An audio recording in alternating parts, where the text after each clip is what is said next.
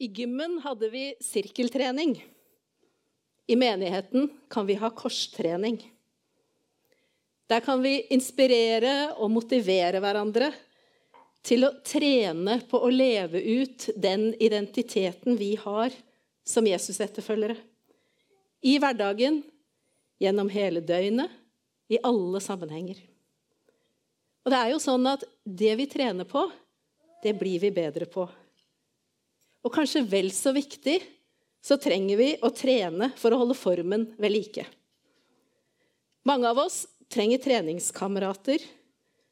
Og i menigheten har vi en gyllen mulighet til å ha et treningsfellesskap. Ja, vi oppfordrer faktisk, oppfordres til å ha et treningsfellesskap. Dele treningstips med hverandre og gi hverandre litt ekstra motivasjon og inspirasjon når vi trenger det. Og vi kan øve oss på hverandre og i fellesskap med hverandre. Noen av gudstjenestene i vår er, som dere vet, viet litt ekstra til korstrening. Og de er kalt crossfit-gudstjenester. Og crossfit har en dobbel betydning. De som går på treningsstudio eller leser om treningsstudioer, de har gjerne møtt crossfit som navnet på et sånt treningsopplegg eh, hvor man gjør varierte øvelser og med litt intensitet og sånn, som er knytta til liksom de bevegelsene og det, det, vi trenger å bruke kroppen til i det daglige. Og i vår sammenheng så øver vi oss på å ta med oss troen inn i hverdagen. Crossfit-gudstjenestene skal gi innspill til hvordan det kan se ut når vi fokuserer på å tjene Gud der vi er, gjennom den vi er. Den andre betydningen, og den er unik for oss, den har ikke noe med treningsstudio å gjøre, det er at vi er fit by the cross. Utrustet fra korset. Jesu kors er fundamentet for livet vårt og for tjenesten vår for ham. Som etterfølgere av Jesus så må vi aldri glemme at utgangspunktet for alt er nåden som vi har fått fra ham. I nåden ligger frelsen.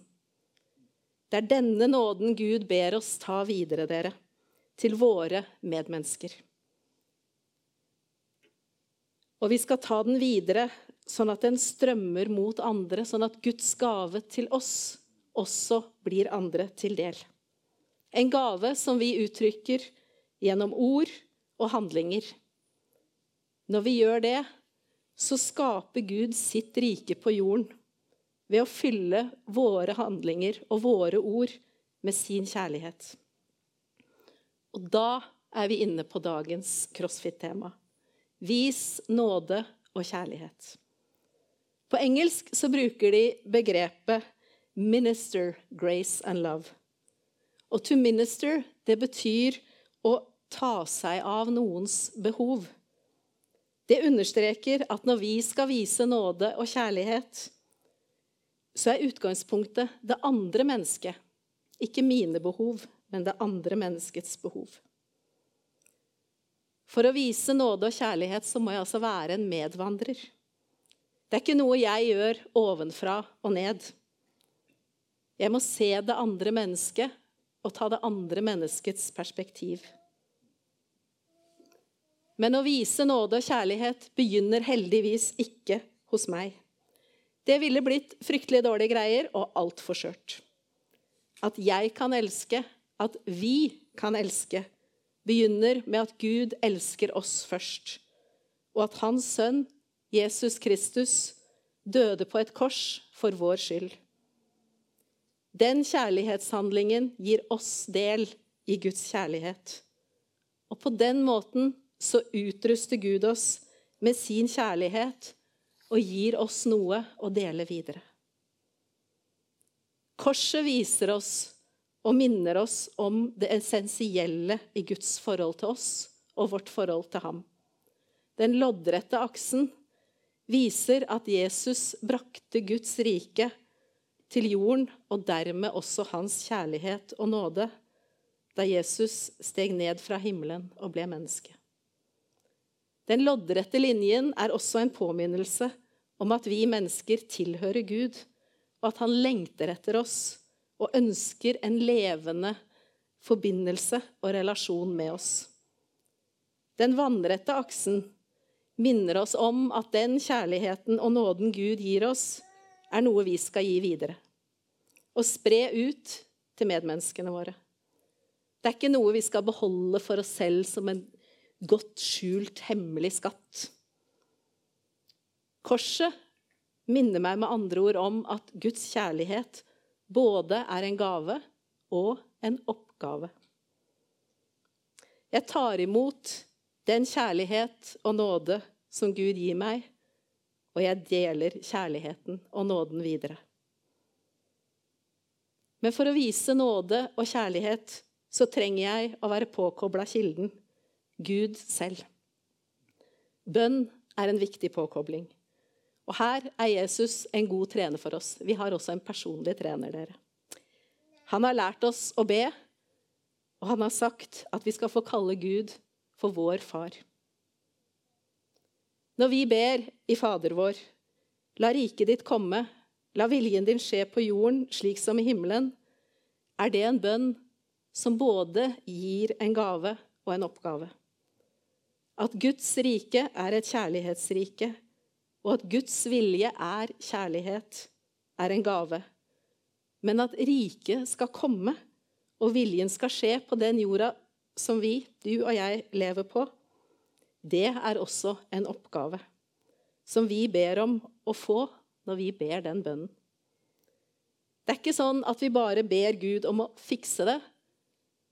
Nei, vi går faktisk inn i ansvaret han har gitt oss for den vannrette aksen.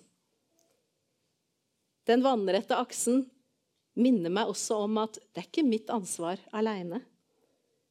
Jeg går inn i en kjede av det felles ansvar som hele den verdensvide kirke gjennom alle tider er en del av, fordi vi er Jesu kropp på jorda. Han er hodet, vi er kroppen. Som del av den kroppen så er det dermed også min jobb, min oppgave, min tjeneste å være med og bidra til at Guds rike finnes på jorden. Gjennom oss så er Guds rike her allerede. Samtidig som vi lever i forventningen og løftet om at det skal komme helt og fullt når Gud gjør himmel og jord ny. Så er det også min jobb, min oppgave, min tjeneste om at Guds vilje må skje gjennom måten jeg møter andre mennesker på. Samtidig, når vi ber, la riket ditt komme, la viljen din skje på jorden som i himmelen, ber vi Gud om å utruste oss til kjærlighetshandlinger og dermed til sitt rike. Og vi ber Gud om å være virkekraften i det vi gjør. At våre handlinger blir til Guds rike. Vi er redskapene. Det er Gud som handler. Det er hans kjærlighet som virker i oss og gjennom oss. Og korset her hos oss, det minner oss også om det. Fordi at måten tverrstokken er utformet på, også kan minne om en skål som fylles opp av Guds kjærlighet og gir oss det vi skal gi videre. Det kommer ikke fra oss selv så skal vi heller ikke behøve å miste motet underveis når vi feiler og svikter, for det skjer. For Gud ga oss ikke en ånd som gjør motløs. Vi fikk ånden som gir kraft, kjærlighet og visdom. Det er Guds kjærlighet og Guds nåde som bærer oss og skaper Hans rike midt iblant oss. Og dermed så blir det å vise nåde og kjærlighet til andre også en takk til Gud, og en måte som vi kan ære Han på. Vårt liv blir på den måten en lovprisning. Og det minner også vårt kors om, med armer som både strekker seg utover, men også oppover. Det er ikke tilfeldig at du og jeg er her på jorda. Gud har skapt oss med en hensikt Alt han har skapt, er unikt. Men mennesket er unikt unikt. Eller uniquely unique. Som du, på engelsk så får du litt mer sånn nyansen i det. Vi er skapt i hans bilde. Det betyr at vi er skapt til å leve ut Guds kjærlighet. Det er det som skal kjennetegne oss. Det er det vi skal reflektere. Intet mindre. Og det er jo en fantastisk og helt unik gave og oppgave. Men hva betyr det i praksis? Når vi leser skapelsesfortellingene, så ser vi at Gud, Gud skaper oss til tre ting. Han skaper oss til fellesskap med ham og, til, og med hverandre. Han skaper oss til tilhørighet, og han skaper oss til å fylle jorden. Det vil si at han vil at hans, det er hans vilje at hele jorden skal fylles med hans kjærlighet. Den skal på en måte kapsles inn i hans kjærlighet. Alt som ikke bidrar til det, er brudd med Guds vilje. Og I Efeserne 2,10 så står det For vi er Hans verk, skapt i Kristus Jesus til gode gjerninger, som Gud på forhånd har lagt ferdige for at vi skulle vandre i dem. Det viser oss at Guds rike ikke er en sånn idé, noe teoretisk, eller noe som finnes isolert inni det enkelte mennesket. Nei, det er i fellesskapet mellom oss at Guds rike finnes.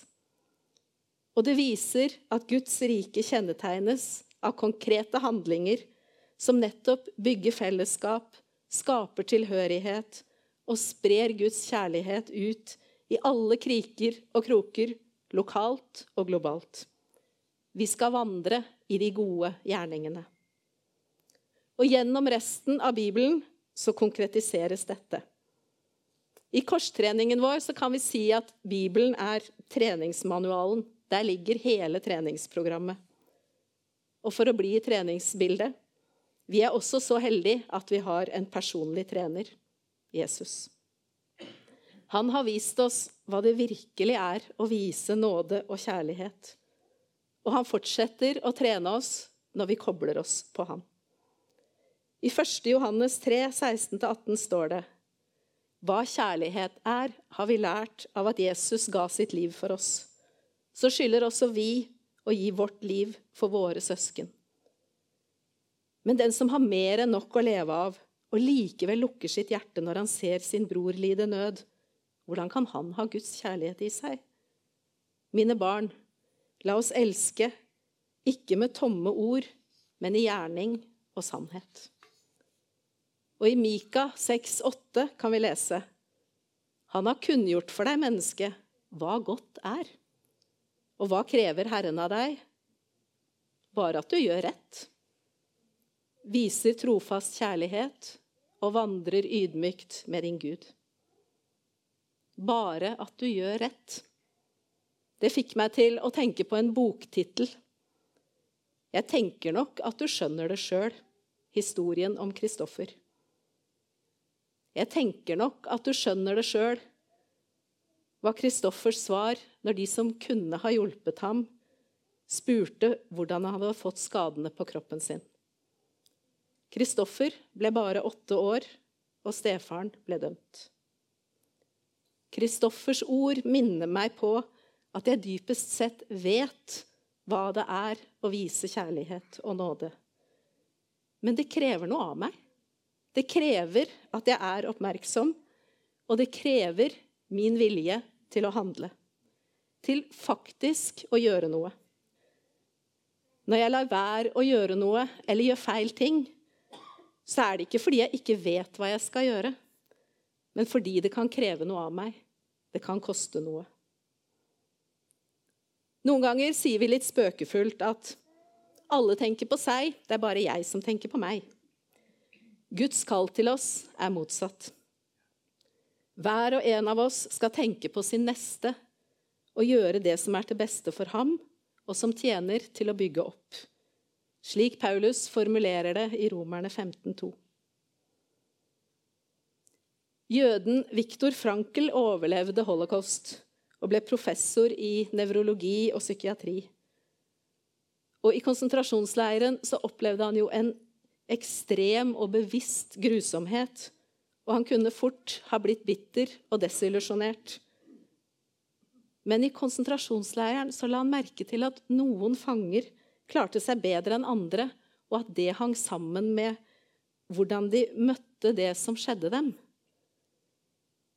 Og han ble opptatt av at vi har et valg. Vi kan velge vår reaksjon på det som skjer, og på det som møter oss.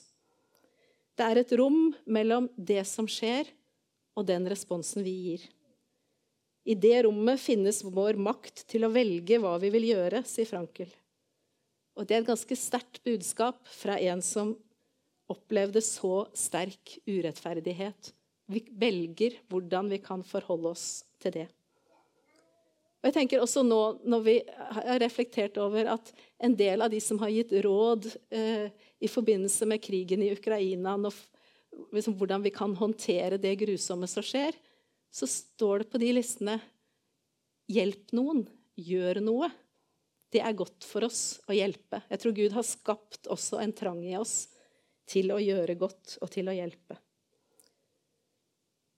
Og dette rommet som Frankel snakker om, det har også en overføringsverdi til vårt kall om å vise kjærlighet og nåde og til å la Gud slippe til. Gud har skapt det rommet og den valgmuligheten som Frankel beskrev. Og Det er også noe jeg tror vi kan trene på, å være bevisst på hvilke holdninger og handlinger jeg vil velge når jeg står i en situasjon som har med andre mennesker å gjøre. Velger jeg holdninger og handlinger som speiler Guds kjærlighet og nåde, som bygger fellesskap, skaper tilhørighet og sprer Guds kjærlighet. Hva ville Jesus gjort? Ser jeg medmenneskene mine? Går jeg utenom? Er jeg raus? Hjelper jeg? Deler jeg? Trøster jeg? Står jeg opp for andre? Viser jeg respekt? Tilgir jeg? Oppmuntrer jeg og gir andre mot? Viser jeg medfølelse? Er jeg ydmyk, eller er jeg opptatt av meg selv? Snakker jeg opp i stedet for å snakke ned? Framsnakker jeg i stedet for å baksnakke? Og når jeg vet hvilken kraft som ligger i det å gi hverandre gode ord, hva velger jeg å si? Hvilke ord bruker jeg? hindrer jeg utenforskap og heller lar folk føle tilhørighet, trygghet og fellesskap? Eller ekskluderer jeg og skaper utrygghet? Lar jeg andre få kjenne at de har verdi fordi de er til, ikke for det de får til?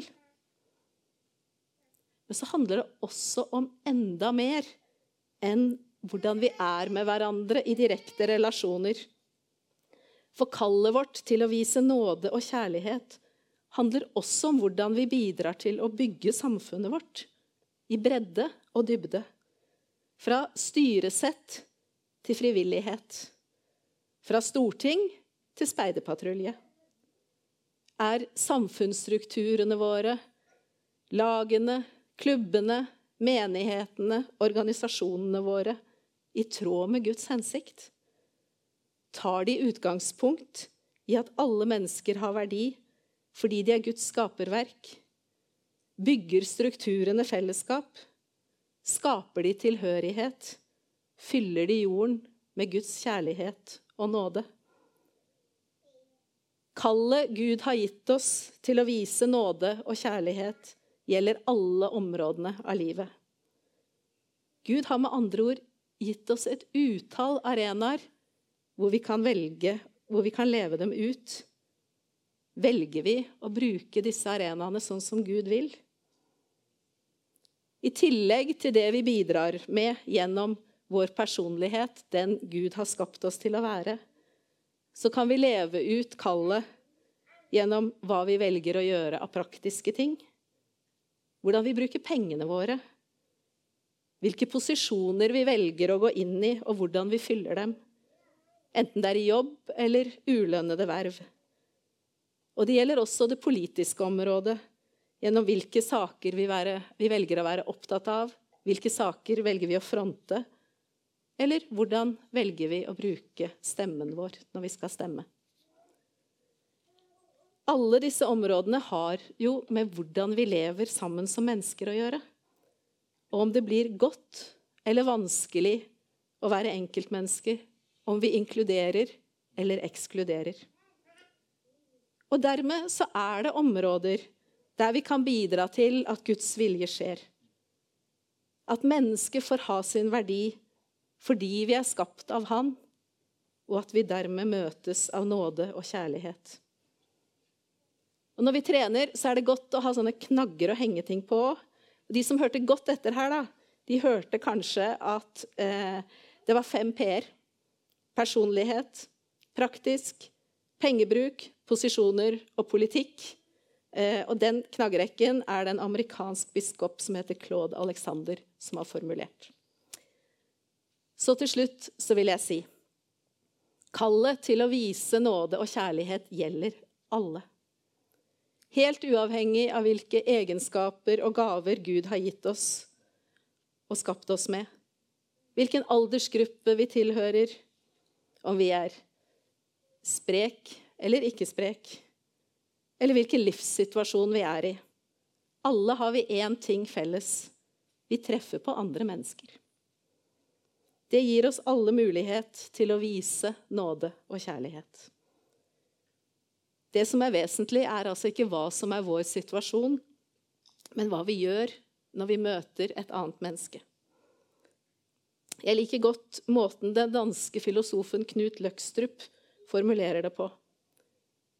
Når vi møter et annet menneske, holder vi noe av det menneskets liv i våre hender. Hvordan forvalter vi det øyeblikket? La oss be. Herre, gjør meg til et redskap for din fred. La meg bringe kjærlighet der hatet råder. La meg bringe forståelse der urett er begått. La meg skape enighet der uenighet råder. La meg bringe tro der tvilen råder. La meg bringe sannhet der villfarelse råder. La meg bringe lys der mørket ruger. La meg bringe gleder der sorg og tyngsel råder. Og mester, la meg ikke søke så meget å bli trøstet som å trøste, ikke så meget å bli forstått som å forstå, ikke så meget å bli elsket som å elske, for det er gjennom å gi at man får. Det er ved å glemme seg selv at man finner seg selv. Det er ved å tilgi andre at man selv får tilgivelse. Det er ved å dø at man oppstår til evig liv. Amen.